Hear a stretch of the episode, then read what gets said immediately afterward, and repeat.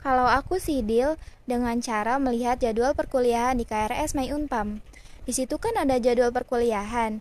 Sebelum mulai kuliah, biasanya aku search atau mencari tahu dulu nih materi yang ada di jadwal kuliah tersebut.